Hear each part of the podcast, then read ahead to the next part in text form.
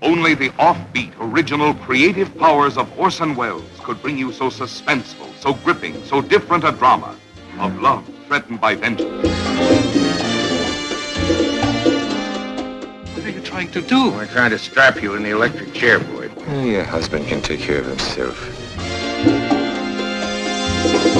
Hallo en welkom bij Julius versus Jasper, de podcast waarin wij, dat zijn Jasper en ik, Julius, elke aflevering twee films tegenover elkaar zetten en bespreken welke van de twee zou moeten blijven, mocht het zo zijn dat er eentje moet verdwijnen. Ik ben Julius Koetsier, dat had ik al gezegd, en dat Jasper er is, had ik ook al gezegd. Jasper ten Hoor, hallo. Hey, hallo. Jasper, waar gaan we het vandaag over hebben? We gaan het vandaag hebben over eh, Orson Welles. Kijk, ja, dat wordt, dat wordt wel een van onze. Ik weet nu al dat het een van onze minder beluisterde afleveringen gaat worden. Want altijd als wij het over oude films hebben, en, en zeker bij film noir, dan eh, vallen de luistercijfers eh, tegen. Oh. Ja, maar goed, ik vind het wel erg leuk om het over Orson Welles te hebben. Een van mijn favoriete regisseurs. Hey, maar de eh, waarderingscijfers stijgen dan vaak wel. Want ik kreeg om onze podcast van Billy Wilder nog persoonlijk berichten dat het zo tof was. Oh ja, ja, ja. Nee, dus dan doen we het inderdaad. Dit, dit is dan eentje voor de echte fans. Yes, deze is voor jou. Je weet wie je bent. Ja. Maar het is vooral ook een podcast voor jou, Julius. Want jij hebt deze twee films, nou ja, eigenlijk aangeraden om dat de- dit een keer te gaan doen. Ja, nou ja, ja, ja, ja, ja. Zo is het. Ehm, omdat ik erg van Orson Welles hou en omdat dit toch wel eh, twee van zijn meest eh, schokkend nieuwsachtige titels zijn. Eh, hij is natuurlijk hij is een rare figuur, hè, die Welles. Want hij heeft maar één film gemaakt die echt winstgevend was: The Stranger. En dat vond hij zelf zijn minste film. En dat, dat is ook wel zo, denk ik. Maar het is toch gek hoe hij dan, hoe die dan toch aan geld bleef komen om nog eh, andere producties te maken. Ja, zullen we, want ik, laten we, ja, de mensen hebben het in de titel wel gezien. Maar laten we even zeggen welke films we doen. En dan lijkt het me goed om Oh, ja. eerst eens even over de persoon Orson Welles te gaan praten. Voordat we het over eh, de twee films hebben. Maar de films die we bespreken zijn The Lady from Shanghai. En A Touch of Evil. En ik zal het dus opnemen voor Lady from Shanghai. En jij neemt het op voor die Touch of Evil. Ja. Maar dan inderdaad eerst even Wells als, eh, ja, als persoon. Ja, nou, hij was al eh, eh, heel succesvol in het theater. eh, hè, toen hij zijn eerste. en, en met hoorspelen. Hij had natuurlijk dat beroemde War of the Worlds hoorspel van had hij gemaakt. Waar dan dat hele verhaal. Nou, enorm opgeblazen natuurlijk. Dat mensen echt geloofden dat het een nieuwsbericht was. En dat er aliens op aarde waren. En, en dat er paniek in de straten was. Ja, het is uit 1938 en volgens mij was die paniek deels ook hè, vanwege met de ge- geluiden van de Tweede Wereldoorlog. Ja, dat er en het, ongetwijfeld wel wat, wat rumoer was, maar niet zoals we het nu kennen, dat iedereen de straat op ging en wat dan ook. Nee, dat is enorm overdreven. Nee, net zoals dat verhaal van die eerste film die dan een trein was, weet je wel. Dat, dat mensen voor het eerst een film zagen en dat ze dan een, een trein op zich af zagen rijden en de bioscoop uitvluchten. Ja, wij mogen graag Eh. doen alsof mensen in die tijd echt naïver waren dan Ja, dat ze waren. ja, nou, dat, is, dat is echt überhaupt niet gebeurd van die trein. Maar dat van, die, van dat eh, hoorspel, dat is misschien een, een beetje gebeurd. Ehm, maar goed, Orson Welles was dus al eh, een naam voordat hij eh, eh, zijn eerste film maakte, Citizen Kane. Ehm, en dat was een, ja, hij was 27 toen, hè? Ja, Moet je je voorstellen. En dan maak je gewoon een van de beste films aller tijden. Waarvan zelfs alle negatieve recensies, want die waren er wel. Maar zelfs die erkenden van ja, het is technisch, in technisch opzicht echt een meesterwerk. Maar helaas geen groot succes. Citizen Kane was een beetje een flop. ja, dat had ook wel een hele duidelijke reden, hè? Ja? Nou ja, Ja, de- nou ja. De, de, de, dat, dat lijkt wat ik zo weet eh, voornamelijk door William Randolph Hearst te komen. Ja. Ik denk dat dat wel iemand is die, eh, nou ja, dat is een, een waar Kane in de film deels op gebaseerd is. En deze soort van mediamagnaat, hij had volgens mij bijna alles in zijn bezit. En die was zodanig machtig en die was zo not amused dat hij, volgens mij, nou ik denk misschien wel Orson Welles' hele carrière heeft beïnvloed daardoor. Ja, nee, ongetwijfeld. Ehm, ja, die William Randolph Hearst, dat is inderdaad waar, waar Citizen Kane dan eh, zogenaamd een beetje over gaat. Hè? Gebaseerd, ge- geïnspireerd door zijn eh, verhaal. Ehm, en het, het, ja, dat, ging ook zo ver dat ja, Wells begon zich eigenlijk meteen ook onpopulair te maken in Hollywood. Wat ook deels door die Hearst kwam, maar ook echt een beetje door zijn karakter. Hij begon meteen heel veel mensen in Hollywood te bekritiseren en het hele systeem deugde niet, waar hij trouwens natuurlijk gelijk in had. Maar het ging al zo ver dat toen eh, Citizen Kane werd genoemd bij de Oscars, mensen boe riepen. Niet omdat ze het een slechte film vonden, maar omdat ze Orson Welles een lul vonden. Dus eigenlijk is het een wonder dat hij daarna nog best wat films heeft gemaakt. eh, die ook nog eens grotendeels flopten. Eh, ja, en dat je dan zo, toch zo'n icoon kunt worden, dat zou nu nooit meer gebeuren, denk ik. Nou, en het is wel zo dat hij een icoon is geworden. Maar het is ook zo dat zijn. Nou, over beide films gaan we het ook hebben. eh, en daar komt het ook in terug. Dat eh Wels altijd heel problematische shoots heeft gehad. Of in ieder Ja. geval is het niet een shoot, dan is het wel de, de, eh, in de postproductie. Ja. En daaruit blijkt deels dat Wells ook wel een moeilijke man was. Ja, nou ja. Ja, ik weet het niet. Kijk, hij heeft natuurlijk met Magnificent Ambersons, eh, zijn tweede film. Had hij een, ja, je zou het een, een traumatische ervaring kunnen noemen met een beetje overdrijving. Die zijn hele carrière verder ook beïnvloed heeft. En ook hoe hij films ging maken. Want Magnificent Ambersons vond hij zelf beter dan Citizen Kane. Maar toen heeft de studio eh, een heel stuk eruit geknipt. En er zijn nog steeds mensen die hopen dat dat stuk ooit nog gevonden wordt. Maar dat, is, ja, dat gaat niet gebeuren, want de studio heeft dat. Het is niet, het is niet verloren gegaan. Het is gewoon eruit geknipt en vernietigd. Weet je, de, de studio heeft dat eh, weggegooid. Ja. Ehm, en dat vond Wells natuurlijk heel erg. En, en daarna is hij ook. En dat is hem, eh, hij is altijd als de dood geweest voor eh, editors die zijn films wilden versnijden. Eh, daarom heeft hij ook onder andere zoveel long takes. Omdat hij, daar kun je niet in knippen. Dus bij een, bij een dialoogscène doet hij niet dat standaard shot-reverse shot. Maar doet hij meestal gewoon iedereen in één shot en dat shot aanhouden voor die hele dialoog. Ja, maar we mogen volgens mij wel aannemen dat als Wells in deze tijd geleefd had, dat ongeveer elke film een hashtag release the Wells cut zou krijgen. Ja.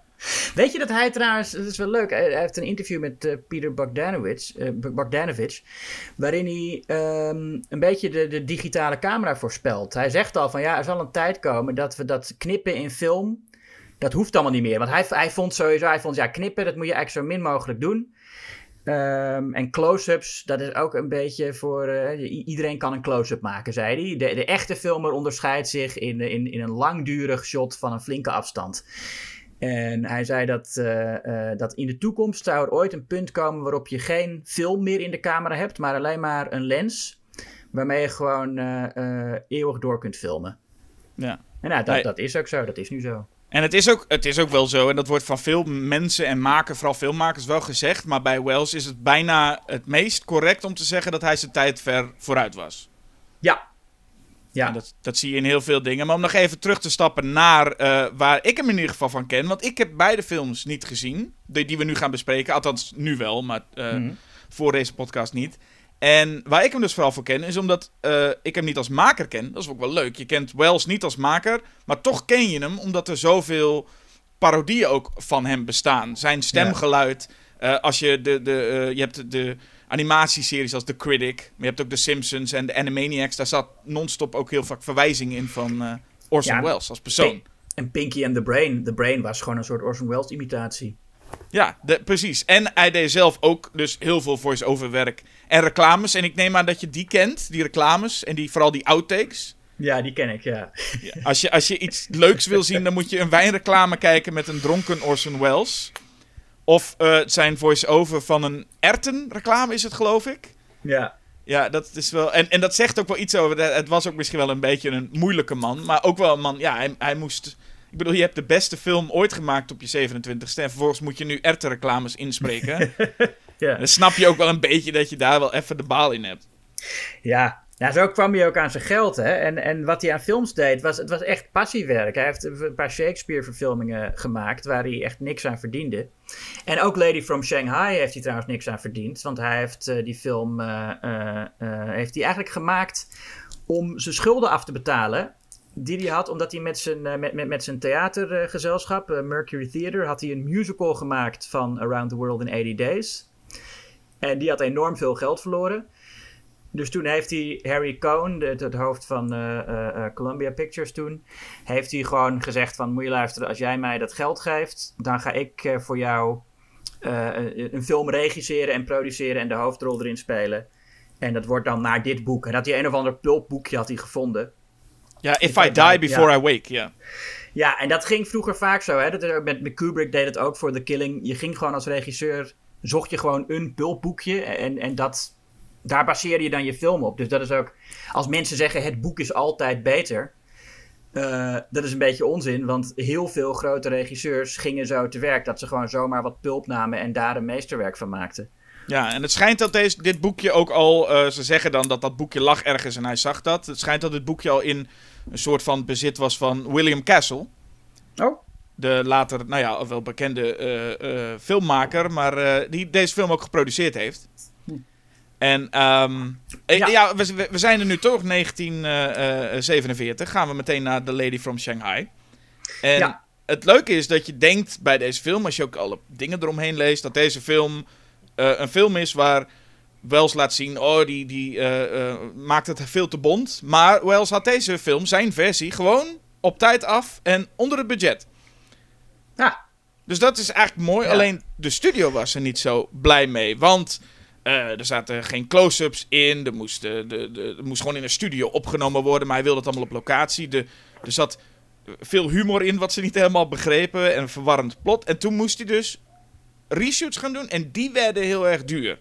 ja. Dus ook alweer een reden dat men dan zegt van ja, eh, eh, Wells eh, zorgt ook voor dramatische shoots. Dit was niet zijn schuld. Nee, en hij, hij, hij wilde zelf namelijk ook heel veel dingen op locatie doen. En zei dat is veel sneller en goedkoper. Maar de studio was toen nog vertrouwde locatieshoots niet. Hè? Dat was, dat, ja, dat was ook, ook heel vernieuwend van Wells. Dat hij echt zoveel op locatie wilde doen. En ja, die studio's die dachten de locatie is onbetrouwbaar, weet je wel. Ja, ik denk dat Rita Hayworth dat niet altijd in eh, eh, dank heeft afgenomen. Want die is behoorlijk, volgens mij, samen met heel, heel, heel de crew ziek geworden. Op Ja. die, eh, tijdens die shoot. Ja, ze waren toen trouwens nog wel officieel getrouwd, Rita Hayworth en Orson Welles. Maar ze waren al lang uit elkaar. Hm. En kort na de film gingen ze officieel scheiden. En werd dat een heel, een heel ding van... oh, ze zitten ze in die film en is het, is het daarom... weet, zijn ze daar gescheiden of zo. Maar ze waren dus al heel lang uit elkaar. Ja, en het ding van Rita Hayworth was ook, hij kreeg, eh, of ja, Rita Hayworth zat dus in zijn film. En was bekend om dat lange rode haar. En heeft toen tegen Rita Hayworth gezegd van dat, hij, dat ze haar haar moest knippen en blond moest verven. En de studio was daar ook flink van geschrokken. Met, hé, hey, wacht even, nu haal je haar element weg. Ja, nee, Harry Cohn was daar vooral eh, niet over te spreken. Hij was, eh, Harry Cohn heeft trouwens sowieso spijt gehad van die film. Niet alleen omdat hij zo ontzettend flopte. Maar hij zei ook, ik ga nooit meer een film maken waarbij de regisseur en de hoofdrolspeler en de producent dezelfde zijn. Want hoe kan je dan ooit iemand ontslaan? Dat zegt ook genoeg, hè? Ja. Ja, en er, er wordt trouwens gezegd dat Wells eh, niet blij was met deze hele film. Maar het schijnt dat Wells vooral... Want er is een uur uit zijn film geknipt. Ja. Uit Lady from Shanghai. Maar eh, Wells was vooral niet te spreken over de muziek. Ja. En we komen straks bij de eindscène, uiteraard. Maar daar was hij vooral niet tevreden over dat die muziek zo ongelooflijk uitlegt wat er aan het gebeuren is en hoe je je moet voelen. En daar was hij vooral niet blij mee. Ja, Heinz Roemheld heeft die eh, muziek eh, eh, geschreven. En Orson Welles vond hem een, inderdaad een, een, een- Disney, een Disney-componist. Ja. ja. Hij is niet op zijn mondje gevallen, die Wells, hoor. Nee. Nee, en het, het ergste was natuurlijk dat die, nou, die beroemde slotscène, of de beroemde finale, waar we straks wel uitvoeriger over spreken, in het, in het Spiegelpaleis op de kermis. Dat was een scène van 20 minuten. Die is eh, teruggesneden tot 3 minuten. En Wells zegt eigenlijk dat alle interessante shots eruit gesneden zijn. En het enige wat je nu nog ziet is een shot dat hij er zelf uit had willen knippen. Ehm, en, en die vervelende muziek, dat, dat corny string choir noemde hij het. Want hij wilde helemaal geen muziek daar. Hij wilde alleen maar het geluid van het eh, eh, brekende glas. Ja, maar je moet je nagaan als Wells zegt dat eigenlijk alle interessante shots eruit gehaald zijn. Wat zijn dit dan? Want ik bedoel, we kunnen allemaal wel eerlijk Ja. zijn dat het einde hele interessante shots heeft. Nee, dat, dat is het. Er zit, er zit nog steeds eh, eh, heel veel in. Heel veel moois in. Ja. Ja. Maar we beginnen even bij het begin. Laten we dat Ja. maar doen. En eh, dan beginnen we ook meteen maar bij. Want dat is ook grappig. Je hebt een film waar dus een uur uitgeknipt is. Mhm. En ik heb niet het idee dat het in het begin ergens iets uitgeknipt is. Maar dat begin is echt. hè, dat is de, de, hij laat er geen gras over groeien ook. Hop, Ja, hier, hop, ja. hier is het. Ja, maar het begint wel met eh, eh, ontzettend stilistisch saaie eh, shots, moet ik zeggen. Ik heb ze dus vanmiddag allebei gezien. En ik had eerst Touch of Evil gezien. En toen zag ik deze. En toen dacht ik, oh, je ziet wel echt dat dit meer dan tien jaar eerder gefilmd is. Hmm. Het is zo ouderwets, dat die, die beginscène in dat park. En daar, daar was Wells zelf ook niet. Hij vond, hij vond die scène in dat park zelf ook heel slecht. Hij zei het misschien wel het slechtste wat ik ooit gefilmd heb. Nou, nou, nou, nou. Ja, nou ja, dat vond hij. Nee, maar het, Ja, is toch ook gewoon een saaie, een geen, heel generieke scène is dat. Er zit geen, geen leven in. Het is gewoon, ja, er rijdt een vrouw, een mevrouw door het park en dan komt Orson Welles, eh, ontmoet haar en biedt er een sigaret aan. Ja, het gaat heel erg. eh, hè, hier is die, die ene lady from Shanghai. Er wordt volgens mij meteen ook uitgelegd eh, waarom ze dan zo heet. En is het gewoon: dit is er. klaar. Heel simplistisch gewoon. Ik zag er en ik was verliefd. Ja, ja, ja, je, hebt die, je hebt die muziek erbij die, die Wells vreselijk vond. Maar ook de shots zijn gewoon dus de simpelste manier waarop je dat zou filmen. Heel generiek. Maar om dan eh, toch iets positiefs te zeggen. Ik vind het, wat ik wel heel erg goed vond, is de creatief gebruik gemaakt van die voice-over. Want het begint met een voice-over van eh, zijn personage, Michael O'Hara. En die, die, die voice-over lijkt gemixt te worden of op een gegeven moment door te lopen in de echte dialogen. Ja, En dat vind ik heel creatief en knap gedaan. ja dat is wel een leuke vondst, ja. Dus, maar goed, Ehm. ik bedoel, eh, eh, eh, als Wells zegt: Dit is het slechtste wat ik ooit gedaan heb, heeft hij het dan niet over zijn soms, accent. soms wel en soms niet aanwezige Ierse accent? Ja, nee, dat, dat is inderdaad een, een heel rare... Er is ook helemaal geen reden waarom dat personage zo zou moeten praten. Het gaat niet over dat hij uit Ierland komt. Dat is voor de plot helemaal niet zo relevant. Ja, ze noemen de Black Irish of zoiets, toch? Dus dan, dan Ja. dat, dat is het dan Maar meer. ja. Had je ook iets anders kunnen noemen. Ja, weet je, het maakt... er- Ja, en, en sowieso zijn in, in Amerika natuurlijk heel veel mensen die Iers genoemd worden en zich Iers noemen. Die gewoon geboren Amerikanen zijn. Ja, maar het, ik, en ik ben niet eens altijd gefocust op accenten. Maar hier kon, kon je er niet omheen ook gewoon. Nee, nee, nee. Dat af en toe het er heel dik bovenop ligt. En af en toe is het ook gewoon meteen weg. En dan is het er niet. Ja, het, is- ja, ik weet, ik, eh, ja, het is een beetje. Hij houdt toch wel van eh, andere etniciteiten spelen of zo. De- eh, hij, hij, hij wil dat graag. Hij wil dan iets doen. Goed, over andere etniciteiten spelen komen we nog te spreken. Ja. Maar hier is het inderdaad. ik trouwens moet wel grinniken. Hmm. En dat is een beetje puberaal, maar of, of puberaal. Het- ik moet wel eens gringen om de ouderwets taalgebruik. En hier vooral, ik vind het toch leuk als iemand dan in zo'n voice-over zegt van... eh, This is I, thinking myself of a very gay dog. Dat vind ik wel leuk. Le- le- leuk. dat, dat- dat vind jij dan weer leuk. Dat vind ik, ik vind het wel leuk als iemand zichzelf in een hele serieuze setting... zichzelf wil eh, een big boob noemt. Ja. Dat mag voor mij wel weer terugkomen. Ja. Liefst met verdwijnend Iers accent. Ja. Maar goed, hij, eh, ja, hij valt voor haar en redt haar van drie mannen in een park. En dan denk je, oké, het zal wel. Ehm, maar goed, het element is dus eigenlijk... Hij is een man, een, een, een, man die eigenlijk niet... Hij krijgt een baan aangeboden van deze Elsa. Gespeeld door Rita Hayworth. En hij wil dat maar niet. En dan komt Ja. zelfs haar, eh, haar man Arthur Bannister erbij te pas. Van, eh, nee, kom nou bij mij werken. Je hebt geen idee waarom. Zal wel iets achter zitten, denk je in ieder geval wel. En hij wil maar niet. Eh, en dan blijkt het in ieder geval dat er een reden waarom hij mogelijk interessant is, is omdat O'Hara ooit een man gedood heeft. Ja, dat is een, eh, ja, een, een schimmig verleden heeft hij, zoals veel filmnoir helden. Of anti-helden eigenlijk. Ja, en toch, je blijft, dat is bij deze film trouwens, eh, een, en dat, dat heb ik bij beide films. Ik moet eerlijk zeggen dat ik beide films wel wat moeite had soms met, waar gaat het nou precies over? En de studio had dus al wel gezegd, ik vind het een beetje warrig allemaal. En daar is het ook wel een beetje. Eh, misschien is dat ook wel Wells zelf, dat hij, nou ja, wat van, wat, of ja, warrige vertelling houdt. Maar ik was een lange tijd echt bezig met, waar gaan we het precies over hebben? Want tot lange tijd heb je geen idee wat nou precies de bedoeling is, tot eigenlijk het eh, en dat duurt best lang. eh, De collega van die Bannister, een meneer Grisby, langskomt en vraagt of O'Hara nog een keer kan moorden. Ja, heel rare man is dat. eh. Ja, heerlijk over de topfiguur vond ik dat. Ja, eh, maar vooral hoe die dan voor het eerst eh, aankomt daar. Hè? Glenn Anders speelt hem. Mhm. En nou ja, O'Hara werkt dan op, op een boot, op een, op een zeiljacht. Want hij is, hij, hij, hij, hij is, hoe noem je dat? Een, een, een seaman, hoe noem je dat? Matroos. En- Een zeeman. Ja, een zeeman. en die Grisby komt op hem af en die komt met een bootje zo naar het schip varen. En zegt hij, hey, hallo, eh, ja, hey, jij bent die en die, hè? hey, ik hoor dat jij iemand eh, doodgemaakt hebt ooit, hè? Oh, zou je mij ook eens... mis- Misschien kun je mij ooit eens doodmaken als je de kans had, hè? Ja, en misschien krijg je die kans wel, hè? En dan staat hij de hele tijd vlak bij hem, met zijn gezicht echt bijna in het gezicht van die andere. Dat je denkt, wat een, wat een rare man. Ja, dat Zou, zou ik denken als iemand het bij mij deed. Ja, Wells reageert daar niet meteen heel, heel gek op. Maar ik, je merkt wel dat hij als maker in ieder geval wel weet. Want er zit ongelooflijk veel extreme close-ups. Vooral van die Grisby. Met, die, met die, dat zwetende hoofd en die enorme grijns. Ja. Maar ik vond het een heerlijk figuur als die op kwam duiken, ja. ja, zeker. En hoe die praat ook. En zijn target practice. Dat moest- ja, eh, hij is ook heel enthousiast over het hele plan. Want zijn plan is dus dat hij wil zijn, eh, eh, zijn dood faken. Hij zegt, je moet, dan, je moet een verklaring tekenen dat je me vermoord hebt. Ehm, en dan kan ik verdwijnen. En de grap is dan dat omdat, er, omdat ze mijn lichaam niet vinden... eh, zal jij niet schuldig verklaard worden. Ook al beken je en zweer je dat je me vermoord hebt. Als er, als er geen lichaam is, dan is er geen moord officieel. Maar ze zullen wel denken dat ik dood ben, omdat jij zegt dat je me vermoord hebt en ik niet te vinden ben. Dus dat is dan zijn plan, want hij wil gewoon vluchten voor het een en ander. En hij wil in, in, in rust en privacy de rest van zijn leven leiden op een eiland. ja er schijnt En ook hij- echt zo'n wet te zijn geweest dat dat, eh, dat, dat zo was. Dat je, eh, ja.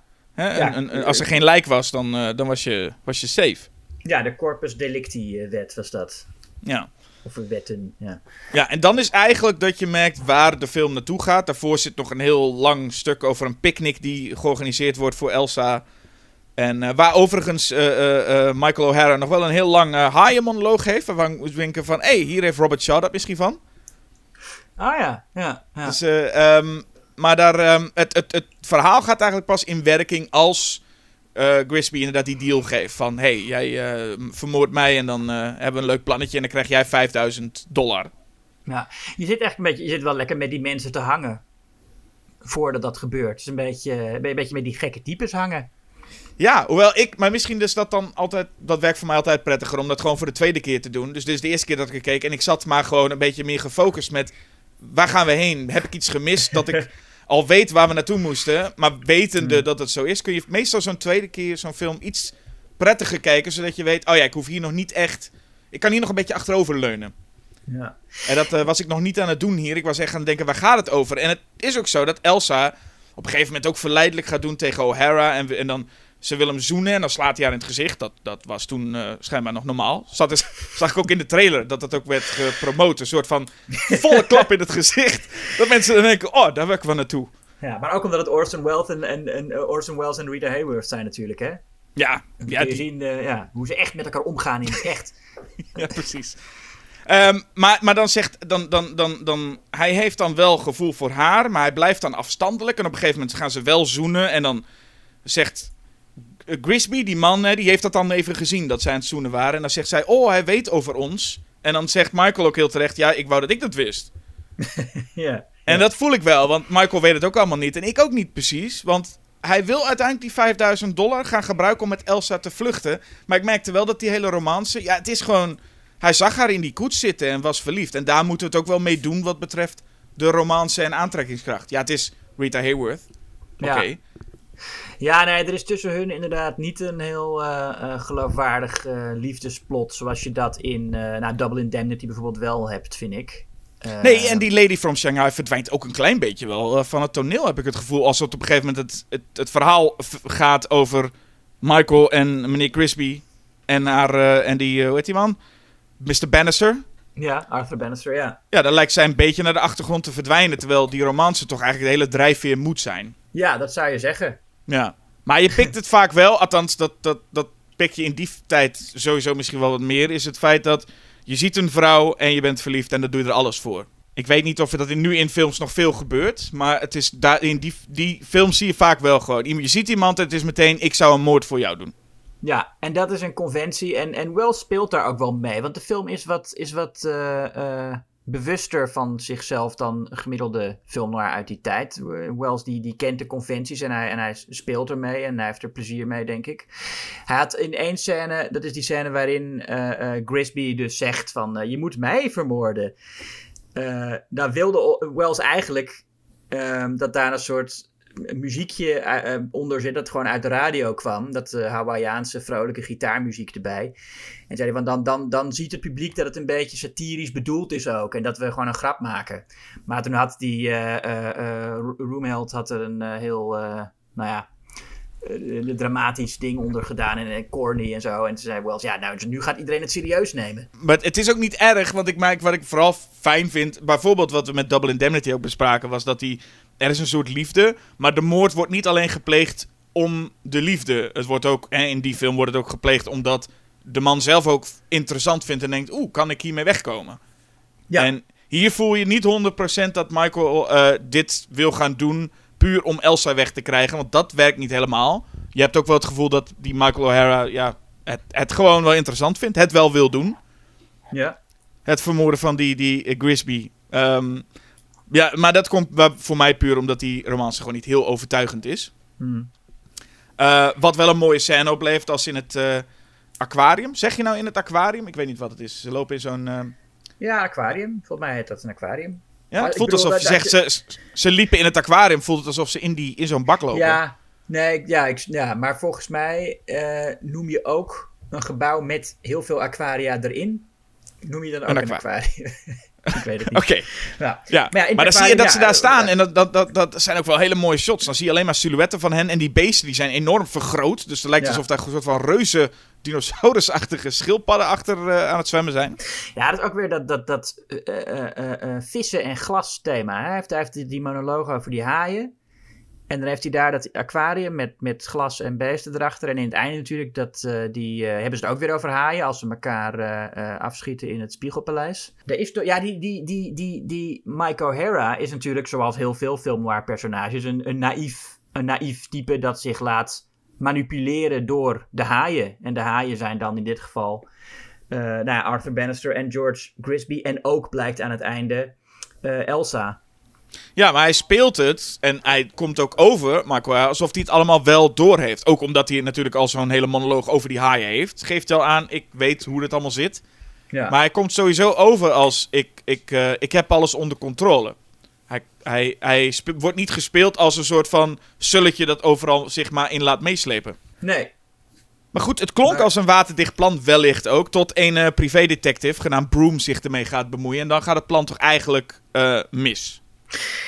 Ja, en nou ja, het klonkwater. Ik zou denk ik wel het al een beetje verdacht gevonden hebben. op het moment dat eh, eh, ehm, eh, Grisby tegen hem zegt: van nou. Hier, oh, het is goed, ik, ik ben aan het bloeden. Het is goed dat al met mijn bloed in je auto zit. Dat is goed, want dat is ook weer bewijs. Denk van ja, maar wacht eens even. Dit, hoe, hoeveel bewijs heb je nou? Het plan is toch juist dat er geen bewijs is. Ja, hij wil volgens mij een soort van echt duidelijk bevestigen. Hij, hij is dood. Dus dat is het inderdaad. Hij, zo- die Grisby zorgt inderdaad voor. Hij, hij, hij, maakt een, geeft een, eh, heeft een auto-ongeluk zodat er getuige is. Hij heeft dat bloed overal. Mensen op de pier die moeten hem allemaal. Michael. Hara goed kunnen zien. Zo van. Ja, maar het is inderdaad niet helemaal. Het moet duidelijk zijn dat Grisby dood is en niet gewoon vermist. Maar Mhm. Ja, het moet in ieder geval, zolang het lijkt er maar niet is. Schijnbaar kun je alles, zolang het lijkt er maar niet is, eh, kan Michael Ja. Weg, ermee wegkomen. Ja. Maar hij zoekt wel het randje op, inderdaad. Maar goed, het is die Broom en die prepay-detective gaat zich ermee bemoeien. En begint Grisby te chanteren vlak voor het plan. En dan schiet eh, Grisby hem neer. En daar gaat het eigenlijk mis. ja. Dat is, eh, en dat is ook wel leuk. Broom die ligt dan op de grond met allemaal bloed. En dan komt Elsa erbij en die zegt dan... Hey Broom, ben je ziek? Als, als hij daar op de grond ligt te bloeden. Maar goed, hij gaat, ehm, hij gaat dood. En dan eh, wordt het wel een interessante, eh, interessante kwestie eigenlijk daarna. Want waar Michael dus denkt... Ja, maar goed, zolang Grisby's lichaam niet wordt gevonden, ben ik safe. En dan Mhm. komt hij bij Arthur Bannister. En dan heeft Arthur Bannister zijn, eh, het lichaam van Grisby daar liggen.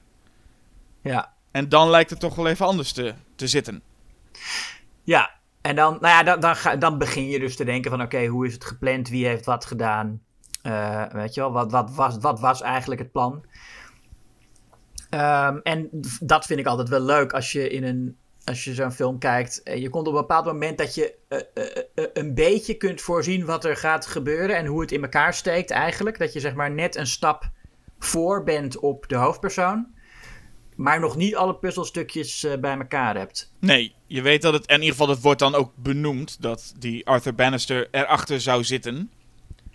Eh, dat, wordt die, dat is het laatste wat die Broom, voordat hij sterft, nog zegt aan de telefoon tegen Michael. Maar ehm, het komt er uiteindelijk op neer dat Michael naar de, de bak in moet. En dat die Bannister dus zijn advocaat wordt. En dan, dan ontstaat er een, een rechtbankscène. En ik weet niet of jij de humor in de, de scènes daarvoor heel erg door... Maar hier begon ineens een hele... Wat satirische toon begon me toen heel duidelijk te worden in die rechtbankscène. Het is ook wel duidelijk dat Wells, eh, zoals hij vaak heeft uitgesproken, weinig respect heeft voor ehm, advocaten. Ja. En eh, ook wel voor rechters. En ook wel voor het publiek, heb ik het idee. En de- ja, er wordt, op een gegeven moment wordt er heel veel geniest en gehoest in de Ja. jury. Eh, ik heb geen idee wat, wat daar de, de gedachte achter zou zijn. Nee, er, is een, er, is een, er zijn shots van inderdaad zo'n zo'n zo'n ehm, niezend jurylid. Waarvan je denkt, dat zal, zal dat nog terugkomen? Want het is heel hard en duidelijk te horen. Ze stoppen volgens mij zelfs even met praten als die man niest. Ja. Maar komt niet terug. En er zit dat shot in van een vrouw die in het publiek zit. En die haalt haar kauwgom uit haar mond en die stopt ze onder haar stoel. ja, ja. En ja, dat- verder, is eigenlijk, ja, ik weet niet. En, en er is ook met die rechter, want er is ook iets met die rechter aan de hand. Ja, dat is een ontzettend domme, incompetente rechter is dat. Ja, want als hij dan eenmaal teruggeroepen wordt omdat de jury eruit is, dan zie je hem even zo, zo heel hard mondspray in. eh, eh, ik weet niet of dat, dat zal waarschijnlijk suggereren dat hij dronken is, want hij heeft ook zo'n beetje zo'n dronken neus. Ja. ja. Dus dat hij, dat hij het gevoel dat, dat hij inderdaad, eh, nou ja, daar zal ongetwijfeld genoeg kritiek in zitten. Ja, en er zijn ook allemaal, allemaal die, die, die verrassingsgetuigen. Weet je, dat gebeurt in films natuurlijk heel vaak. Dat je een, een surprise witness oproept. Wat in het echt eh, natuurlijk niet eh, gebeurt. Die, Oh ja. de, getuigen, die moet je... Ja, dat, dat vertel je van tevoren wie dat allemaal gaan zijn. Eh, maar hier is het... kan iedereen elkaar ook... Wordt op een gegeven moment wordt ook... De- wordt, wordt Bannister door een andere advocaat opgeroepen als getuige. En dan moet hij dat gaan doen. Ja, dat klopt. En dan komt er ook een hele leuke scène waarin hij dan zegt, dan mag hij ook zichzelf. Dus eh, dan krijg je een stuk dat Arthur Bannister zichzelf ondervraagt. Ja. En het publiek trouwens, dat vermaakt zich enorm, hè? Ja. Dat, dat vindt Ja, je dat- zit ja oh, bij een moordzaak. Dat is ook wel wat. Zit je bij een moordzaak, ga je zo, zo hard zitten lachen. Ja, want het, be- het begon al, die scène, dat, be- dat moest ik al even aan de toon wennen. Want het begon al bij. Het ging al. eh, Daarvoor ging het dan over moord. En, en, en, en dan heb je ineens zo'n rechtbankscène waarbij een politieman wordt ondervraagd. En die zegt: Heeft u vrouw en kinderen of zo? En dan zegt hij nee. En iedereen lacht. Nou, nee, hij zegt dat omdat eerst werd gezegd... we moeten die man niet te lang bij zijn vrouw en kinderen weghouden. Ja, en, oh ja, en dan wordt er gevraagd: van, Heeft u man, ja. heeft u vrouw en kinderen? En dan Ja. zegt hij nee. En dat publiek ligt in een scheur. Ik moest even weer aan Ifonie denken. Ja. Wat een goed publiek dit. Dat, eh, die, die hebben de tijd van hun leven. maar en die, die Arthur Bannister die zichzelf ondervraagt, een hele goede scène. En is ook een goede rol van eh, Everett Sloan.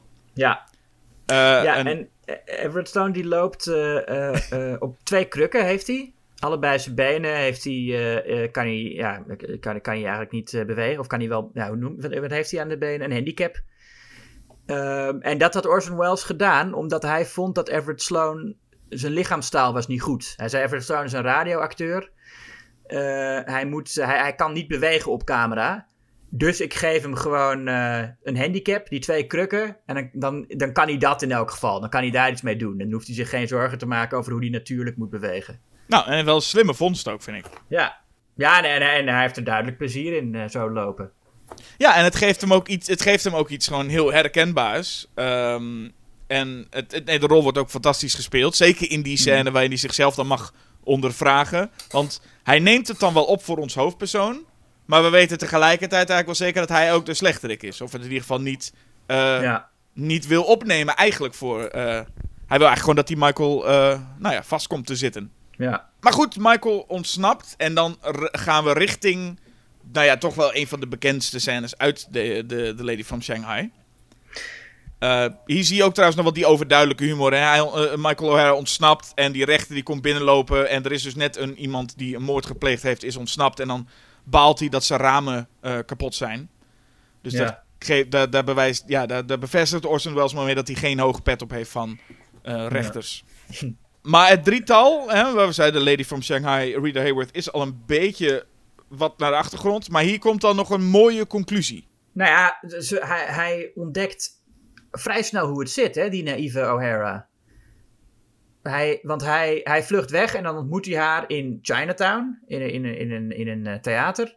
En daar eh, ja, vindt hij het pistool waarmee eh, Grisby is doodgeschoten in haar tas. En dan weet hij meteen, hoe alles zit. En dan horen we hem dat zo vertellen op de voice-over. Ja, dat is wel een beetje, beetje. Want het is een mooie vondst. Hij komt op in een spookhuis terecht. Alleen het is wel een beetje jammer dat, hij, dat er dan even een voice-over overheen zit geplakt. die even vertelt hoe het zat. Ja, maar ook meteen allemaal dingen die hij. Nou ja, die. die uh, uh, het is leuk als je daar stap voor stap achter komt. Maar hij legt meteen alles op tafel. En je denkt ook van: oké, maar hoe, hoe weet je dit opeens allemaal? Ja, en ik vroeg me ook af, omdat normaal zou je denken: kijk, er is 20 minuten uit die eindscène geknipt en een, een uur in zijn geheel. Maar dit is wel gewoon de stem van uh, Orson Welles. Dus ja. het is niet alsof hij dit, dit er later bij is geplakt van... oh ja, we, we hebben heel veel eruit geknipt, doe dit maar. Het, dit is schijnbaar wat hij wel in gedachten had, om het zo te vertellen. Ja. Wat een beetje jammer is dat het via voice-over gaat. Waar tegenover staat dat het wel in een hele memorabele scène is... in een soort spookhuis waar hij eerst van een glijbaan af komt uh, vallen... En dan ja. zie je een soort van spiegelscène die enorm kunstig is. Zeg. Ja, ja, het is een, een, funhouse is het, waar inderdaad... Uh, ja, waar je door een soort... Nou ja, het is natuurlijk wel symbolisch dat terwijl hij uitlegt hoe dat plan in elkaar stak... dat je hem zo door een soort raar dolhofachtig... Uh, uh, expressionistisch decor ziet wandelen. Waar hij, dat, symboliseert natuurlijk hoe hij verzeild is geraakt in de gekke plannen van die mensen. En volgens mij ook een beetje dat, het, dat de plot eigenlijk nergens op slaat. Is volgens mij wat Wells ook wil zeggen in die scène. Want dat hij dan. Ja, dat, dat, die hele attractie slaat ook nergens op. Dat je daar zou rondlopen en dan op een gegeven moment val je ergens vanaf en ga je van een glijbaan af. Ik bedoel, dat, zo, zo, zo zou een attractie in een kermis toch ook niet snel zijn. Um, dus dat is, ja, volgens mij is dat wel echt om te benadrukken van. Uh, dit is gewoon een soort rare droomwereld, deze film. Ja, en je moet je dus voorstellen dat we dat 20 minuten lang van hadden kunnen hebben. Ja. Ja, nee, dat, dat zijn ook 20 minuten die ik graag zou zien, maar die ja, hoogstwaarschijnlijk gewoon echt voor goed verloren zijn. Ja, we hebben, de, we hebben bij Touch of Evil komen we ook nog op het feit dat er uh, dingen in elkaar weer gezet zijn om te kijken of het zo dicht mogelijk bij Wells en uh, ja. bedoelingen zijn. Maar goed, bij deze film is het vrijwel zeker dat uh, er geen extra beeld beschikbaar is van Lady from Shanghai. Uh, dat was, is waarschijnlijk inderdaad gewoon vernietigd. Ja, het was ook uh, uh, echt een enorme flop natuurlijk. Toen hij uitkwam. Het was echt een ramp. En Wells die was er ook zelf helemaal niet tevreden mee. Hij zei, ik ontdekte pas dat het een geliefde film was toen ik in Europa kwam. want in Europa zijn we altijd wel weer, of ik zeg we, het zijn eigenlijk vooral de Fransen waar hij het dan over heeft. De Fransen zijn, wat dat betreft, liggen altijd een beetje voor op de rest van de wereld. In elk geval in die tijd. Uh, als het aankomt op uh, hoe films gewaardeerd worden. Uh, de Fransen waren ook de eerste mensen die Hitchcock serieus gingen nemen. En ja, ook, ook voor Wells geldt dat. En hij was ook heel erg te spreken over de Fransen, omdat, omdat zij Rita Hayworth zo goed vonden. En Wells zei: Ja, zie je, Franse mensen begrijpen dat een mooie vrouw niet per se een slechte actrice is. Dus ja, maar het, maar het is wel een film waar hij ja, toch vrij lang bitter over is geweest. Nou ja, het is die en de film die daarna maakte, Macbeth, het deed ook niet best. Nee. En dat is volgens mij de reden dat hij dus uh, vervolgens maar tien jaar lang naar Europa is gegaan. En eigenlijk, ja, nou ja, in, in 1958 weer terugkeerde even naar uh, Amerika voor een film. Ja. Want dan is het inderdaad, dan ben je tien jaar lang naar Europa dat je denkt, ik ga het daar maar doen. Maar dat hij toch nog één keer terugkeert. En eigenlijk kunnen we nu al zeggen dat, dat Touch of Evil waarschijnlijk wel de, het einde van zijn Amerikaanse carrière was dan. Want daarna is hij eigenlijk niet meer. Uh, dat, dat, dat was wel een beetje het slotstuk. En toen is hij echt naar uh, Europa. Is hij daar nog films gaan maken, toch? Ja. Ja, uh, en hij heeft natuurlijk nog wel daarna. is hij wel nog verschenen in Amerikaanse films. Zoals The Transformers, de movie, waar hij de stem inspreekt van. hoe heet die robot? Ik weet niet welke robot, maar het ongetwijfeld. Nou ja, dat, is, dat was zijn laatste rol. Dat is, was zijn laatste rol. Optimus Prime, geloof ik. De Muppet Movie zit hij volgens mij ook in. Uh, oh, dat zou ik niet weten. Nou ja, in ieder geval, hij zat inderdaad nog wel in wat films, maar zijn, uh, als maker is hij na uh, Touch of Evil vooral in, in Europa, dus in, in Frankrijk ook aan het werk gegaan. Want die ja. film deed ook niet zo heel goed. Touch of Evil niet? Nee. Nee. Nee, nee, ja, nee geen van zijn films die hij gemaakt heeft deed het goed, behalve The Stranger. Um, dat wat zijn derde film was. Maar uh, nee, klopt. Uh, ik vind Touch of Evil wel echt een van zijn allerbeste films. Ik vind het een meesterwerk. En uh, ja, dan vooral de. Dat is een van die films waarbij de latere cut eh, wel voor mij een beetje de enige cut is die mensen kijken. Je, je, kan, de, je kan de originele bioscoopversie zien, maar de later geknipte versie, die dus eh, eh, waar ja, Wells zelf niet. Wells was er zelf niet bij betrokken, maar ze hebben een memo dat hij heeft geschreven aan de studio eh, van eh, 58 pagina's, geloof ik. Dat hebben, hebben ze als, als uitgangspunt genomen om die film opnieuw te knippen zoals hij het had gewild. Ja, dat is in 1998 volgens mij gebeurd en die is ook op DVD verschenen, die versie. Ja, En er zitten inderdaad wel elementen in, want die film is eh, enorm veel ook eh, geknipt. En ook vooral nieuwe dingen zijn er gedraaid. eh, zonder dat Wells dat wilde.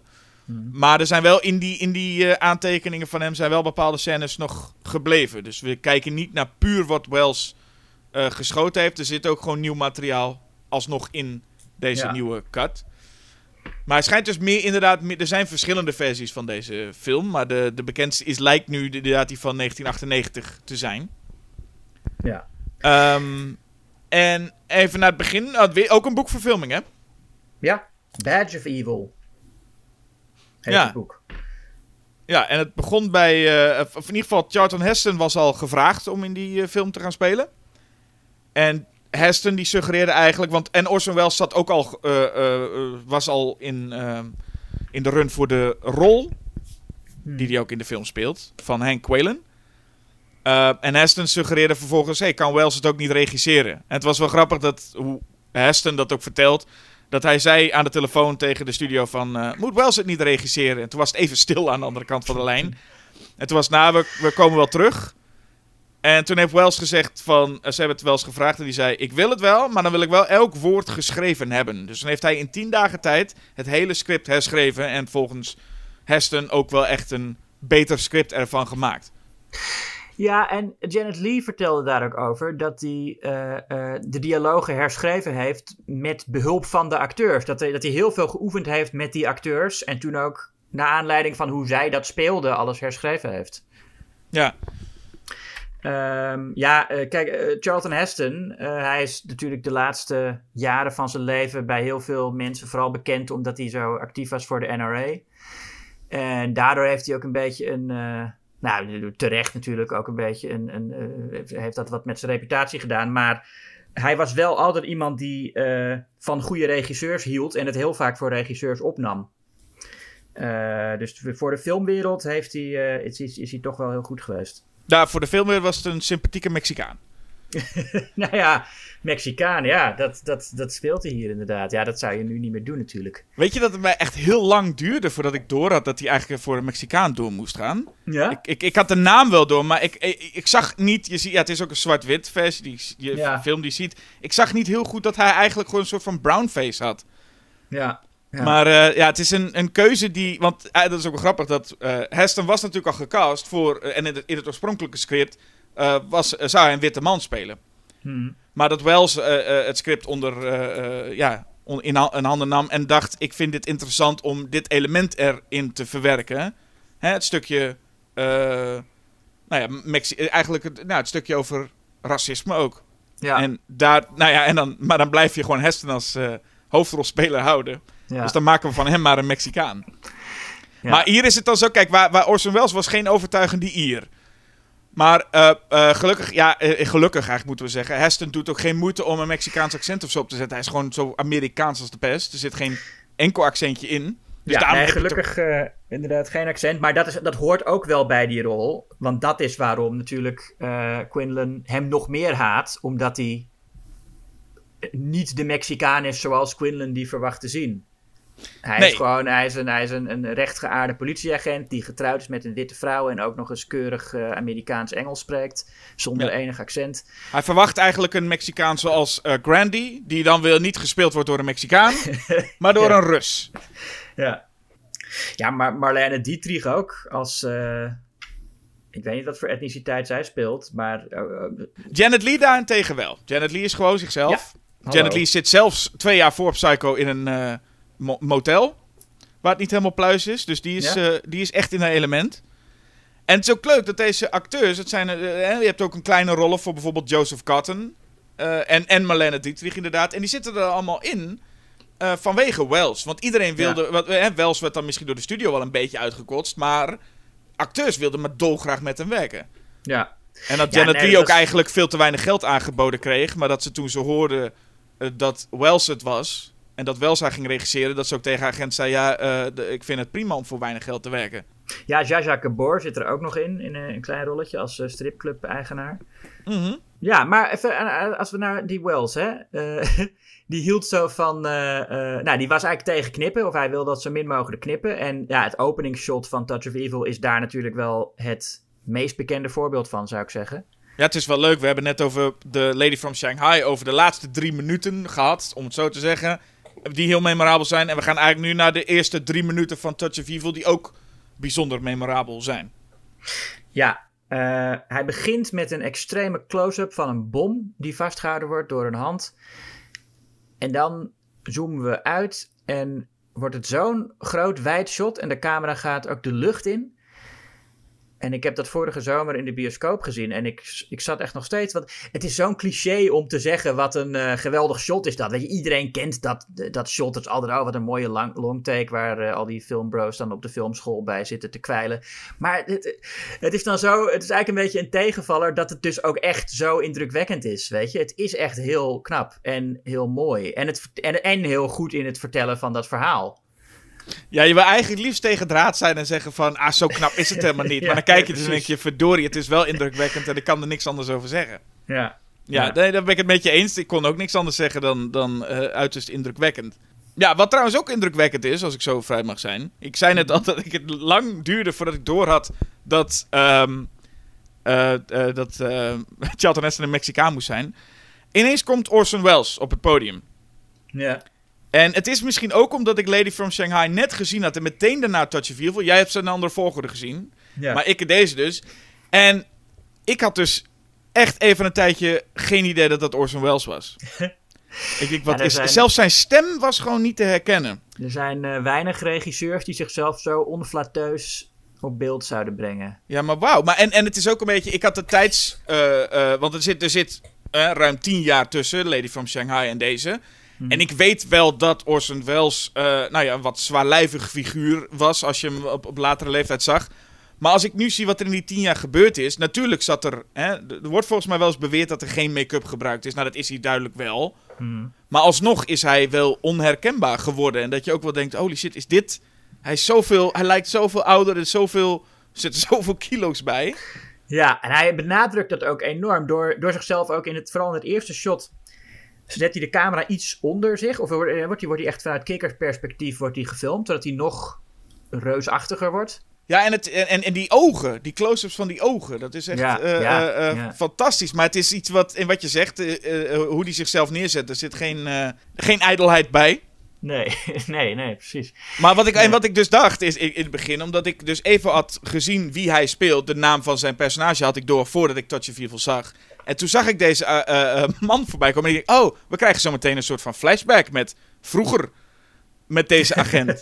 maar ik dacht, oh, het, het is hem. En dat was echt even schrikken, dat ik denk, wat is er gebeurd? Want in Lady from Shanghai is Orson Welles nog wel zo'n knappe jonge man. Nou ja, knap. Nou, het is, het is, het is jawel. Ik, Ja? ik wil niet, ja, ik wil niet, ja, jawel, ik vind hem een, een, een ik vind hem in, in, in, in Lady from Shanghai is nog wel een, een, een aantrekkelijk figuur. Oké.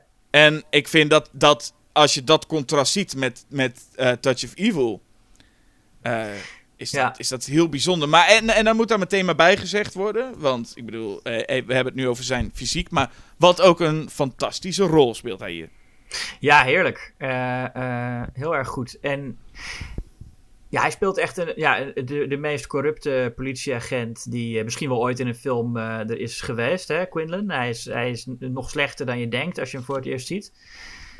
Ehm, het is een van de eerste films waarin dat echt een beetje wordt aangekaart. De, hè, de corruptie en het racisme ook van de politie. Ehm, want wat is er gebeurd? Er is een bom ontploft in een auto en het is net voorbij de Mexicaanse grens. Dus de vraag is dan, valt dat onder de jurisdictie van, eh, eh, van, van, van, van Quinlan of van Charlton Heston's personage eh, Vargas? Ja. Die ook de hele Eh, tijd wel zegt van this is my country. Wat ik Ja. dus in het begin helemaal niet begreep wat hij daar nou precies mee bedoelde. ja, en, en, en het kan dus aan mij liggen, maar ook hier had ik wel het eerste half uur echt moeite met waar gaat dit nou naartoe? Hmm. Er gebeurt veel. En er gebeurt ook van alles over dat, dat terwijl die bom is dus een soort aanleiding. Maar er komen er allemaal verschillende agenten die we leren kennen. Maar ook eh, Janet Lee die dan weer meegenomen wordt naar ene Grundy. En dat is dan weer de broer van iemand die in de bak zit, schijnbaar. En ik moest daar wel af en toe even denken van... Oké, moet ik notities nu maken met om te volgen waar het heen gaat? Ik, ik, het was mij wat onduidelijk. En dan weten we van die vorige film van Lady from Shanghai... had ik dat ook een klein beetje. Misschien zit het een beetje in Wells. Misschien zit het ook wel in film noir over het algemeen... dat ik dat... Dat het wat, soms wat lastige volgen is. Maar ik had hier wel een half uurtje even moeite met te weten... waar gaat dit eigenlijk naartoe? Waar moet ik nu op letten? Ja? Oh. Nou, dat had ik niet. Ik, ik vond het wel. Het, het, het is wel leuk. Hij, hij neemt je meteen mee. Hè? Janet Lee wordt inderdaad meegenomen door, eh, door, door een knul naar een kamertje waar inderdaad een, een man zit die dan heel, heel- vrij snel ook bij de, de mis, het misdaadcircuit betrokken lijkt. Eh, en dan ga je je afvragen, ja, wat, wat is hier aan de hand? Maar dat is, ja, dat is een leuke vraag om te hebben, toch? Van waarom, eh, waarom doen deze mensen dit? Wat zit er allemaal achter? Ja, het is alleen, je bent ook bezig met die, die, die man in de, die in de bak zit. Die broer, die dan, waar, waar, waar eh, Charlton Heston dan weer iets mee te maken schijnt te hebben. Ja, nee, die heeft, Charlton Heston heeft eerder een, een, eh, een, drugsring opgerold. Of noem je dat, een drugsring? Nou ja, narcotics. Nou ja, iets, hij, heeft eerder, hij heeft eerder gewoon een paar mensen in de bak gekregen. Ja. Ja, Maar goed, dat, daar, ben, je- daar ben je nog wel... Je weet niet hoe belangrijk die informatie is als je de film voor het eerst ziet. Of je denkt, waar gaat, gaat het daar dan over? nou, ja. ja. Kijk, voor mij, weet wat jij zegt? Je hebt het over corruptie, wat natuurlijk uiteindelijk een, een groot ding is. Het gaat uiteindelijk om Heston tegen Wells, toch? Daar is de film voornamelijk op gericht. Maar dat heb je echt pas na een uur ongeveer door, echt hoor. Dat het echt over die corruptie gaat. Nou, je ziet wel vrij snel hoe dat zit hoor, vind ik. Zodra die Hank Quinlan verschijnt, eh, het is meteen natuurlijk een ontzettend onsympathiek type. En vooral ook die, eh, eh, hoe heet die nou, die andere agent die erbij is. Jij, eh, Ehm. die collega, die Pete Menzies? Ja. Ja, want dat mens is, dat is iemand, dat is zeg maar een, een, een agent die hem beschermt. Die heel erg tegen hem opkijkt. Die zegt, ja nee, deze man is echt een held, gerespecteerd politieagent. En, het, en, en eh, dan wordt hij beschuldigd van eh, dat hij eh, ehm, bewijzen geplant heeft. En nou, wat, wat dat laat zien, je hebt natuurlijk recentelijk toen het, de- in Amerika, toen George Floyd vermoord werd en zo, gebruikten heel veel mensen dat gezegde van eh, eh, rotten apples. Hè, van die agenten die mensen vermoorden, dat zijn een paar rotte appels. En daar moet je de hele politie niet op, op veroordelen. Maar de oorsprong van dat gezegde van rotte appels, dat is één rotte appel in de mand, maakt ook het gave fruit ten schand. En ook in het Engels is dat zo. One rotten apple spoils the whole bunch. Rijmt niet in het Engels, maar is wel hetzelfde. Ehm, dus het is niet zo. Het spreekwoord is niet. Het is één rotte appel, dus, dus dat is, de, de rest is oké. Het spreekwoord is: er is één rotte appel. En daardoor wordt het andere fruit gaat ook sneller rotten. En dat zie je, vind ik heel goed bij die Menzies, die dan misschien best een goede vent is, maar omdat hij die Quinlan de hele tijd wil beschermen, ook meegaat in die corruptie. En zichzelf eigenlijk voor de gek houdt. Ehm, en dat is nog een, nog, een, eh, nog een stapje verder dan alleen maar zeggen er zijn corrupte agenten. Is ook laten zien dat ook de eigenlijk goede agenten daar ook slecht van worden. Ja, en misschien is het ook dat, dat dat stukje corruptie komt heel duidelijk naar voren in de scène. In het, eh, volgens mij is dat in het huis van eh, Sanchez. Zo'n jongen die ze dan eh, proberen in te luizen door iets in zijn huis te vinden wat er helemaal niet was. Want je- dat zie je, zo, zie- je ziet zo'n scène dat Heston in een badkamer zit en er valt gewoon even een lege doos. Het lijkt heel onbenullig, er valt even een lege doos van de verwarming geloof ik. Ja. En hij zet hem terug en dan wordt eh, eh, de dynamiet in, dat, in die doos gevonden. En weet je, oh, Heston zag dat hij leeg was. Nou, daar is het conflict. Ik denk dat het dan is, en die film schijnt dus echt veel langer te zijn geweest oorspronkelijk ook. Dat er ja, toch wel veel ook gebeurt met Janet Lee in een, in een, in een, in een motel. En dus met die broer, die Grundy. Ehm, waarbij, waarbij ik in ieder geval nog een beetje zoekende ben, waar gaat dit en wel heen en waar gaan deze personages naartoe? En sommige personages zijn dus een stuk minder belangrijk dan je oorspronkelijk zou denken. Ja. Ja, ik vind op zich, ik vind het ook een beetje jammer hoe het eh, met Janet Lee uiteindelijk afloopt. Ik weet niet of daar dan heel veel van is verdwenen. Maar zij begint de film heel sterk, hè? En, en ook heel leuk en, en komt heel veel voor zichzelf op. Wat ik denk, ik vermoed dat dat ook een van de dingen is die Wells in het scenario heeft aangepast. Dat zij heel gevat is. En als zij door, door, door die, door die gangstertypes wordt meegenomen, blijft ze een soort sarcastische opmerkingen maken. Ja. En ze noemt die Grandy noemt ze Little Caesar. En ze zegt: Je hebt te veel gangsterfilms gezien, jij. Ehm, maar ja, dan wordt ze dus meegenomen en uiteindelijk. Ja, het, ze, wordt, ze wordt gedrogeerd en aan, een, aan het bed vastgebonden. En eh, uiteindelijk wordt ze gered. Dat is, ze krijgt niet echt meer te doen dan dat. Nee, klopt inderdaad. Het is even dus het, eh, hè, wat al zeiden, het is eh, Janet Lee's zwakke plek halen ze bij haar Kryptonite een, een slecht motel. Ge, gerund door Dennis Ja. Weaver. En die is eigenlijk, als we het dan hebben over de vorige film met die Grisby als een over-de-top figuur, dan mag hier Dennis Weaver smieren.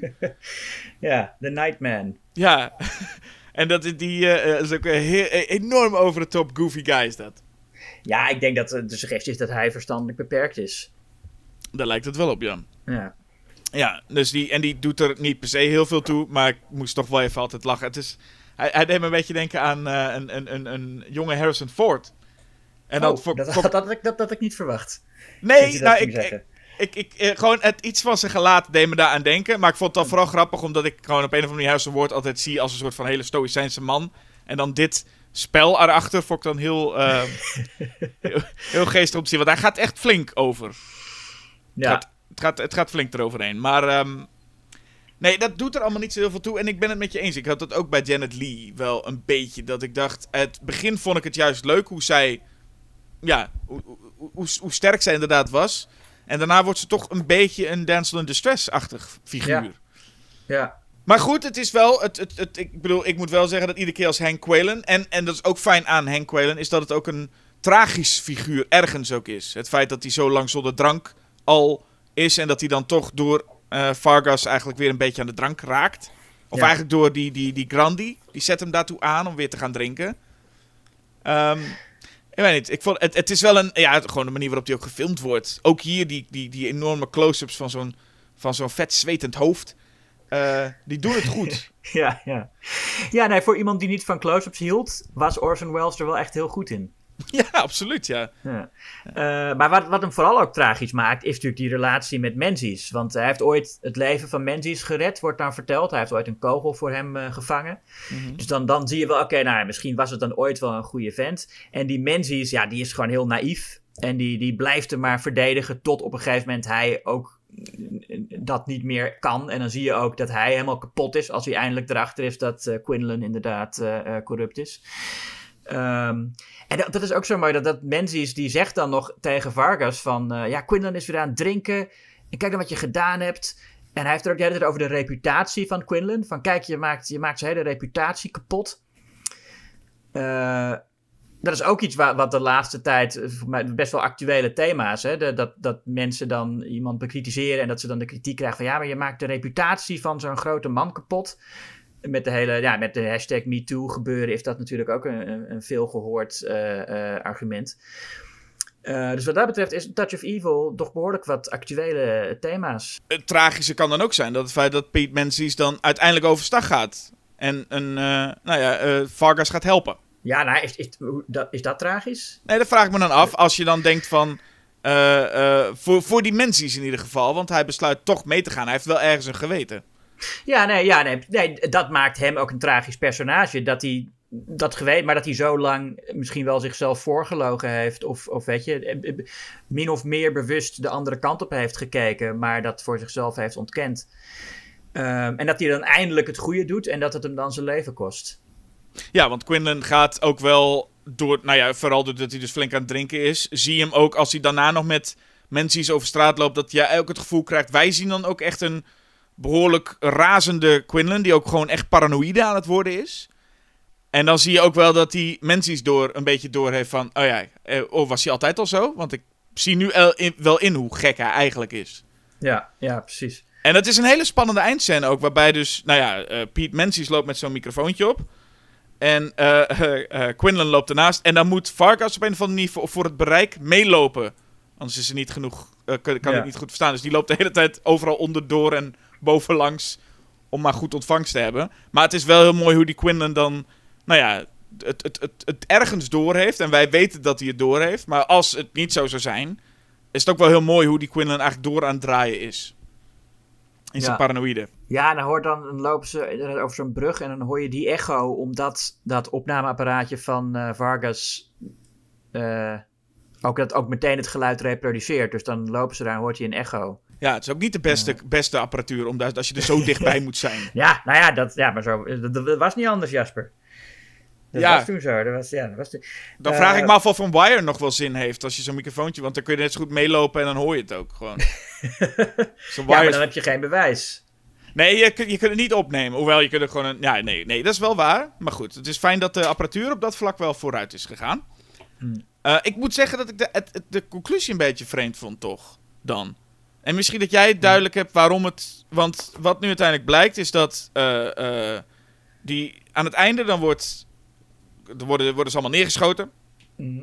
En wordt er dan nog even gezegd, als eh Quinlan, hè, Orson Welles personage, in het water valt, wordt er nog even gauw gezegd dat Sanchez, die jongen die ze ingeluisterd was, toch de moordenaar blijkt te zijn. Of in ieder geval bekend heeft. Ja, En dan wordt een soort conclusie getrokken daar met, oh, die Quinlan, die dus hele nare eh, eh, manieren had, zijn intuïtie was toch goed. Zijn methodes zijn niet goed en niet acceptabel. Maar zijn intuïtie was toch goed. Wordt dat er nou eigenlijk beweerd? nou nee, dat denk ik niet. Eh, ik denk niet dat dat de bedoeling is, althans. Ik vind, ik vind het ook een rare scène hoor. Ik vind die, die zin. Het is ook helemaal niet nodig dat ze dat zeggen. Het, ik bedoel, dat, misschien is dat dan iets van ja, dat ze dachten van oh, maar de moord moet wel opgelost worden. Dus het moet wel duidelijk worden wie het gedaan heeft. Dus dat kunnen we achteraf er nog wel even snel in één zinnetje doen. Maar eh, ik had het helemaal niet nodig. Want ik dacht eerst, misschien is er wordt er nog iets gesuggereerd met dat die Sanchez alsnog op, op een of andere manier weer door iemand anders in het systeem hè, eh, bedreigd is met je moet nu toegeven. Alleen wordt er nog zo'n conclusie aan vastgeplakt, lijkt het met... Hij had toch gelijk, zijn intuïtie had het toch goed. Want dan wordt de hele tijd gezegd hè, dat die Ja. eh, intuïtie van Quinlan zo goed is. Maar Ja. alleen zijn methodes zijn niet goed. Maar ik, maar ik Ja. vond het toch een beetje inderdaad een raar, raar eindzinnetje. Was niet nodig, laat ik het dan zo zeggen. Ja, nee. Nou, de echte eindzin is anders. Hè? Dat is, dat dan, dat is Mar Marlene Dietrich die dan het lijk ziet. En, en dan vraagt eh, eh, iemand van, hield je van hem? En dan zegt ze, nee, nee, Menzies hield van hem. Dus die agent die, die uiteindelijk hem heeft eh, eh, bedrogen. En ze zegt dan nog, he was kind of a man, what does it matter what you say about people? Wat ook een, vind ik best wel misschien een, een moderne manier is om zo'n film af te sluiten. Want we hebben, dat, we hebben al eh, Vargas en, en eh, hoe heet ze? Janet Lee, hoe heet ze in de film? Goeie vraag, hoe heet, hoe heet Janet Lee in de film? Eh, ja, eh, Susan en, eh, en, en Miguel Vargas, Ramon Miguel Vargas. Die, zei, die hebben we al samen zien komen. Hè? Die zijn weer bij elkaar. Die zitten romantisch in een auto. Je zou kunnen zeggen, daar zou de film kunnen eindigen. Maar dan krijg je daarna nog, zien we dat lijk van Quinlan drijven. En zien we nog even Marlene Dietrich die daarnaar kijkt. En die dan zegt, dan wordt er gevraagd van, wat vind je nou eigenlijk van die man? En dan zegt ze, what does it matter what you say about people? En dan loopt ze weg. Ja, het laatste woord is dan adios. Ik vind het wel een. eh, het is best wel modern om een film zo eh, ambigu te laten aflopen. Met een soort. Wat doet het er eigenlijk toe? Ja, en dat moderne, nou ja, we, we zeiden het in het begin ook al. En het is ook zo, dat die, die, die films van Orson Welles voelen ook... En, en zeker Lady from Shanghai, maar deze films voelen ook op een of andere manier als vele jaren vooruit. Ze Ja. zijn niet vergelijkbaar met de films uit die tijd. Maar meer Ja, nou vergelijkbaar ja. met de films van jaren later. Ja, ja. En ik vind dat. Ja, eh, we hadden het net al over het openingsshot van eh, Touch of Evil. Maar meteen daarna. eh, zit er nog zo'n best wel indrukwekkend shot. Want je hebt eerst het openingsshot, is een heel nette, gecontroleerde long take. En daarna, nou, het, shot daarna is dat die auto ontploft. En het shot daarna is een heel rauwe eh, handheld zo achter Vargas aan terwijl hij er naartoe rent. En dan zit je ook meteen in een heel andere wereld. Denk je, wauw, om, om dit allemaal zo handheld te filmen eh, eh, in, in 1958. En dat doet hij vaker met, eh, met actiescènes. Ehm, en dan heeft hij ook nog eens die heerlijke Henry Mancini muziek eronder. Want in tegenstelling tot bij Lady from Shanghai is de muziek hier niet generiek, maar wel echt heel gaaf en, en, en bijzonder, vind ik. Het is een, ja, natuurlijk ja, Mexicaans geïnspireerde jazz. zou ik zeggen. Van Mancini. Het wordt ook steeds heftiger naarmate die film vordert. Eerst heb je nog een actiescène waar een soort lekker, uh, uh, best wel vrolijk klinkend pianodeuntje onder zit. En later krijg je hele, uh, ja, op, opzwepende muziek. Um, met allemaal van die ja, die scène dat, dat, dat, dat Vargas met, met zuur aangevallen wordt. Ja. Weet je dat nog? Dat, dan, dan zie je zo heel snel het shot dat die gast die wil dat flesje zuur naar hem gooien. En er is er een heel snel shot dat Vargas zijn hand pakt. Je ziet het eigenlijk bijna niet gebeuren. En het volgende shot zie je dat flesje zuur tegen een poster exploderen. En, uh, en dan gaan ze achter elkaar aanrennen. En ja, je ziet ook de schaduwen natuurlijk. Wells was gek op schaduwen.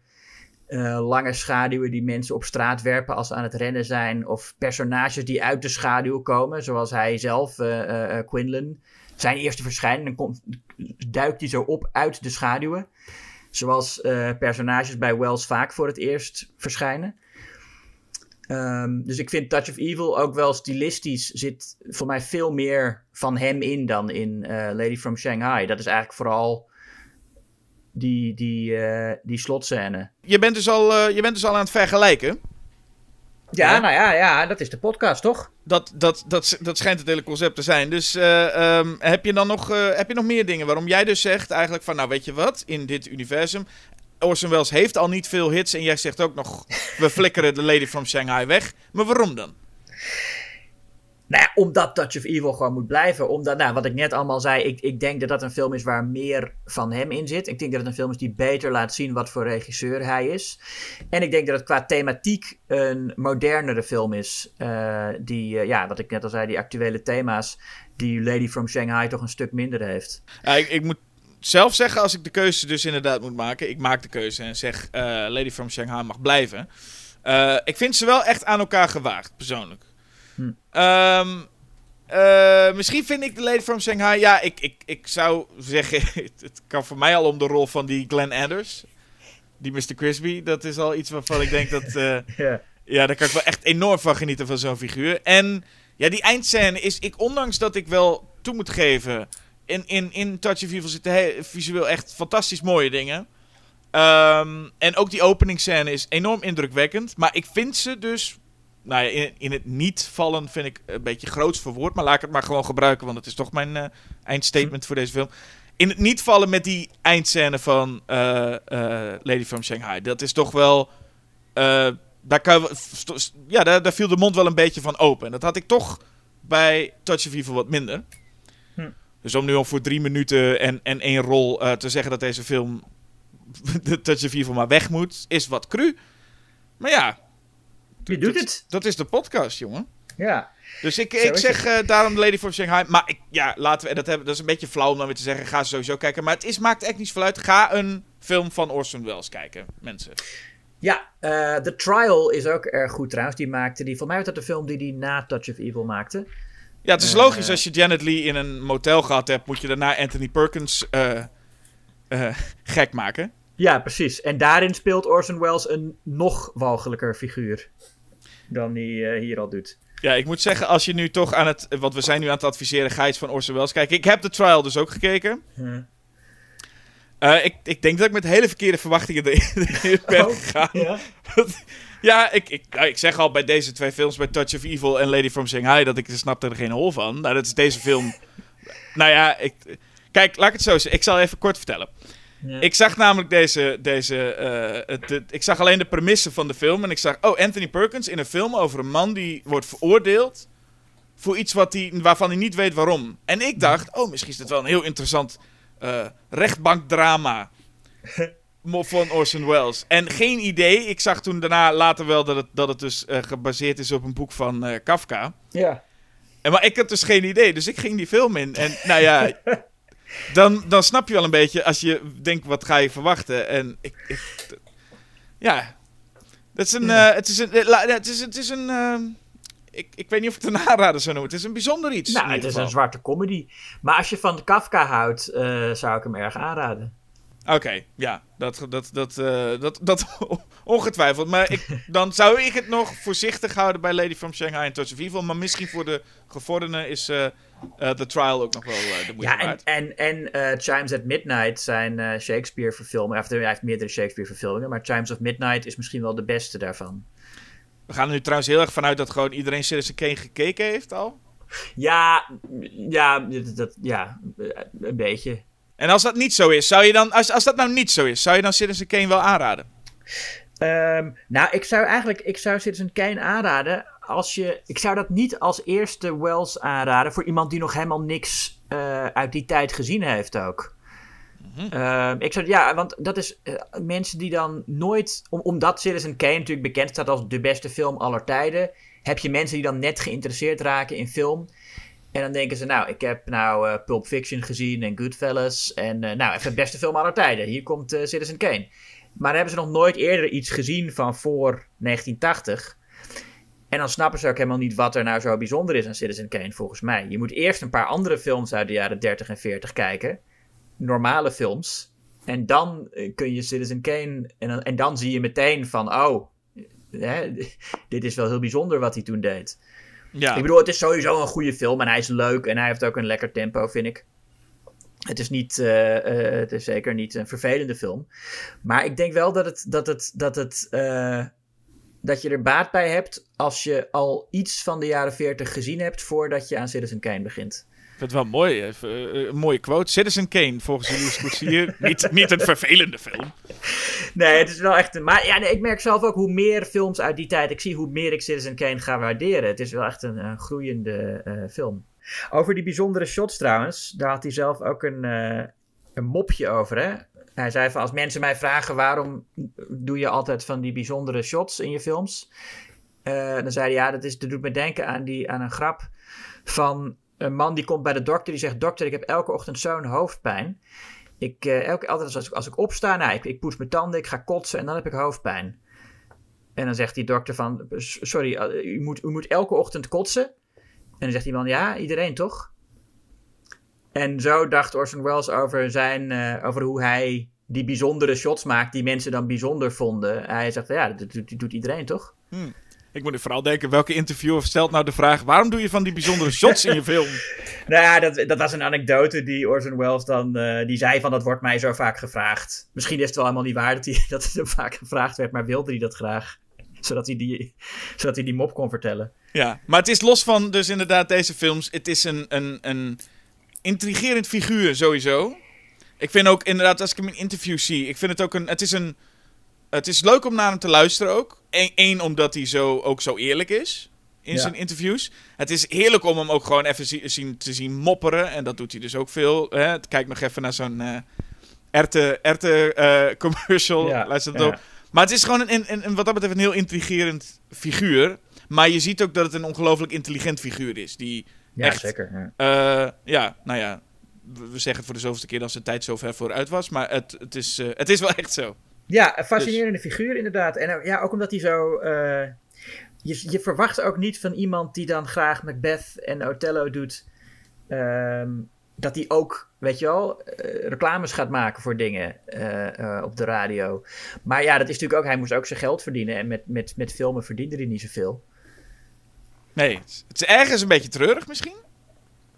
Ja, nou, hij, heeft altijd, hij heeft altijd moeten vechten om, om dingen gemaakt te krijgen. Het is nooit makkelijk geweest. Nee, en dat is toch ook iets dat je dus... Je hebt dus de beste film gemaakt, alle tijden. En dan, dan is het dus absoluut niet zo dat dan vervolgens de rode loper uitgaat... en je alles mag doen wat je maar wil. Nee, maar hij mocht wel meer dan je nu nog zou mogen als je zoveel flops op je naam hebt staan. Ja, en dat als is je waar. zo, eh, zo bekend staat als zo moeilijk, dan eh, is het, eh, ik- ja... Mij is het nu vrij snel afgelopen. Hij heeft toen met The Stranger heeft hij bewezen dat hij, het, dat hij het kon. Een hit maken die ook nog eens op tijd af was en binnen budget. En toen had hij weer eventjes eh, wat... eh, ging het hem weer heel even voor de wind, maar... Ja.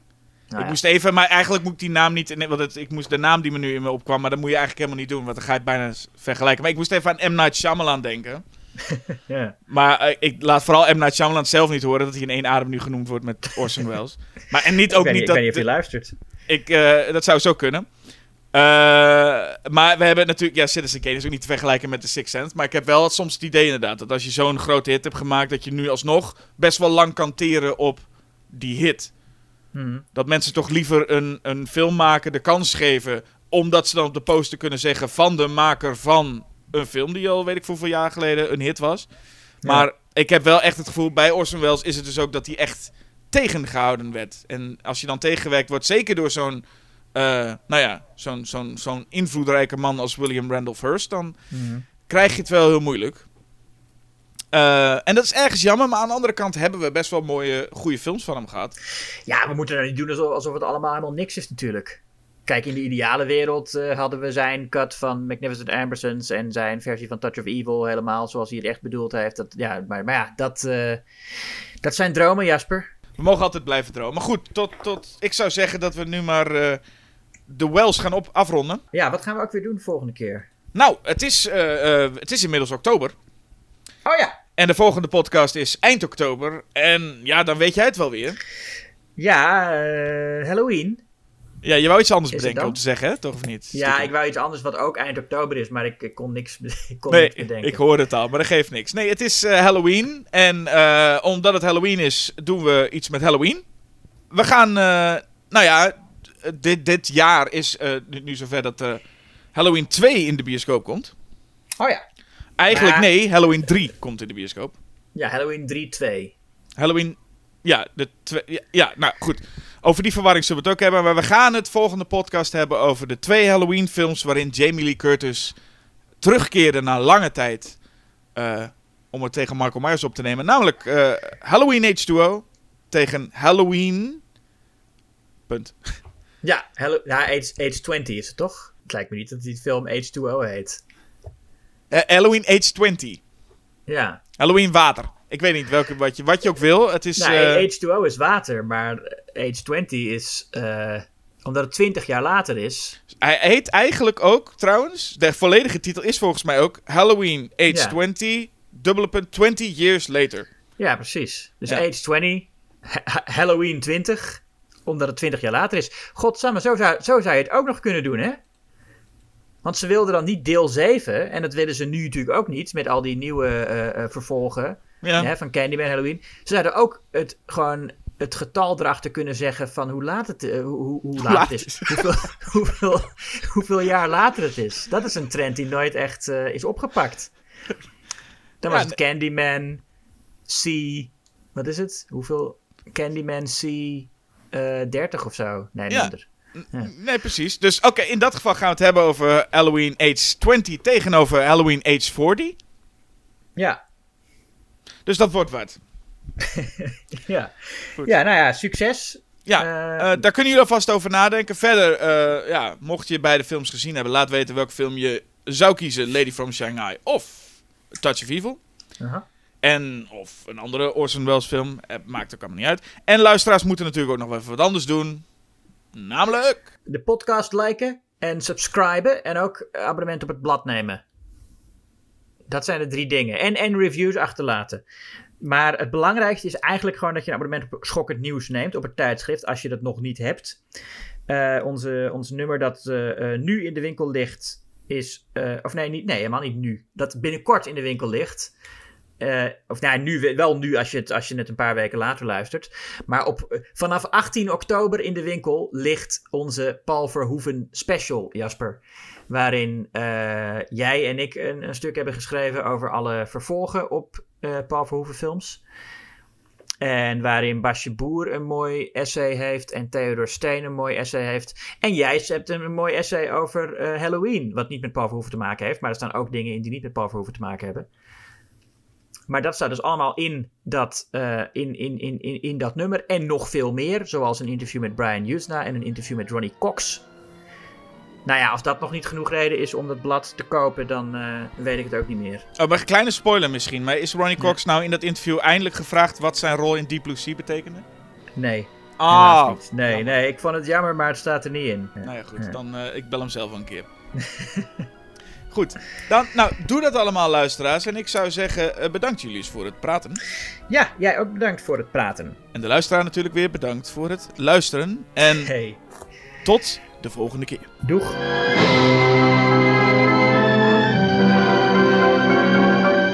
Every July, peas grow there. Do you really mean that? You emphasize a bit in, in July. Why? That doesn't make any sense. Now, what is it you want? No, I think In your depths of your ignorance, what is it you want? Get me a jury and show me how you can say in July, and I'll go down on you.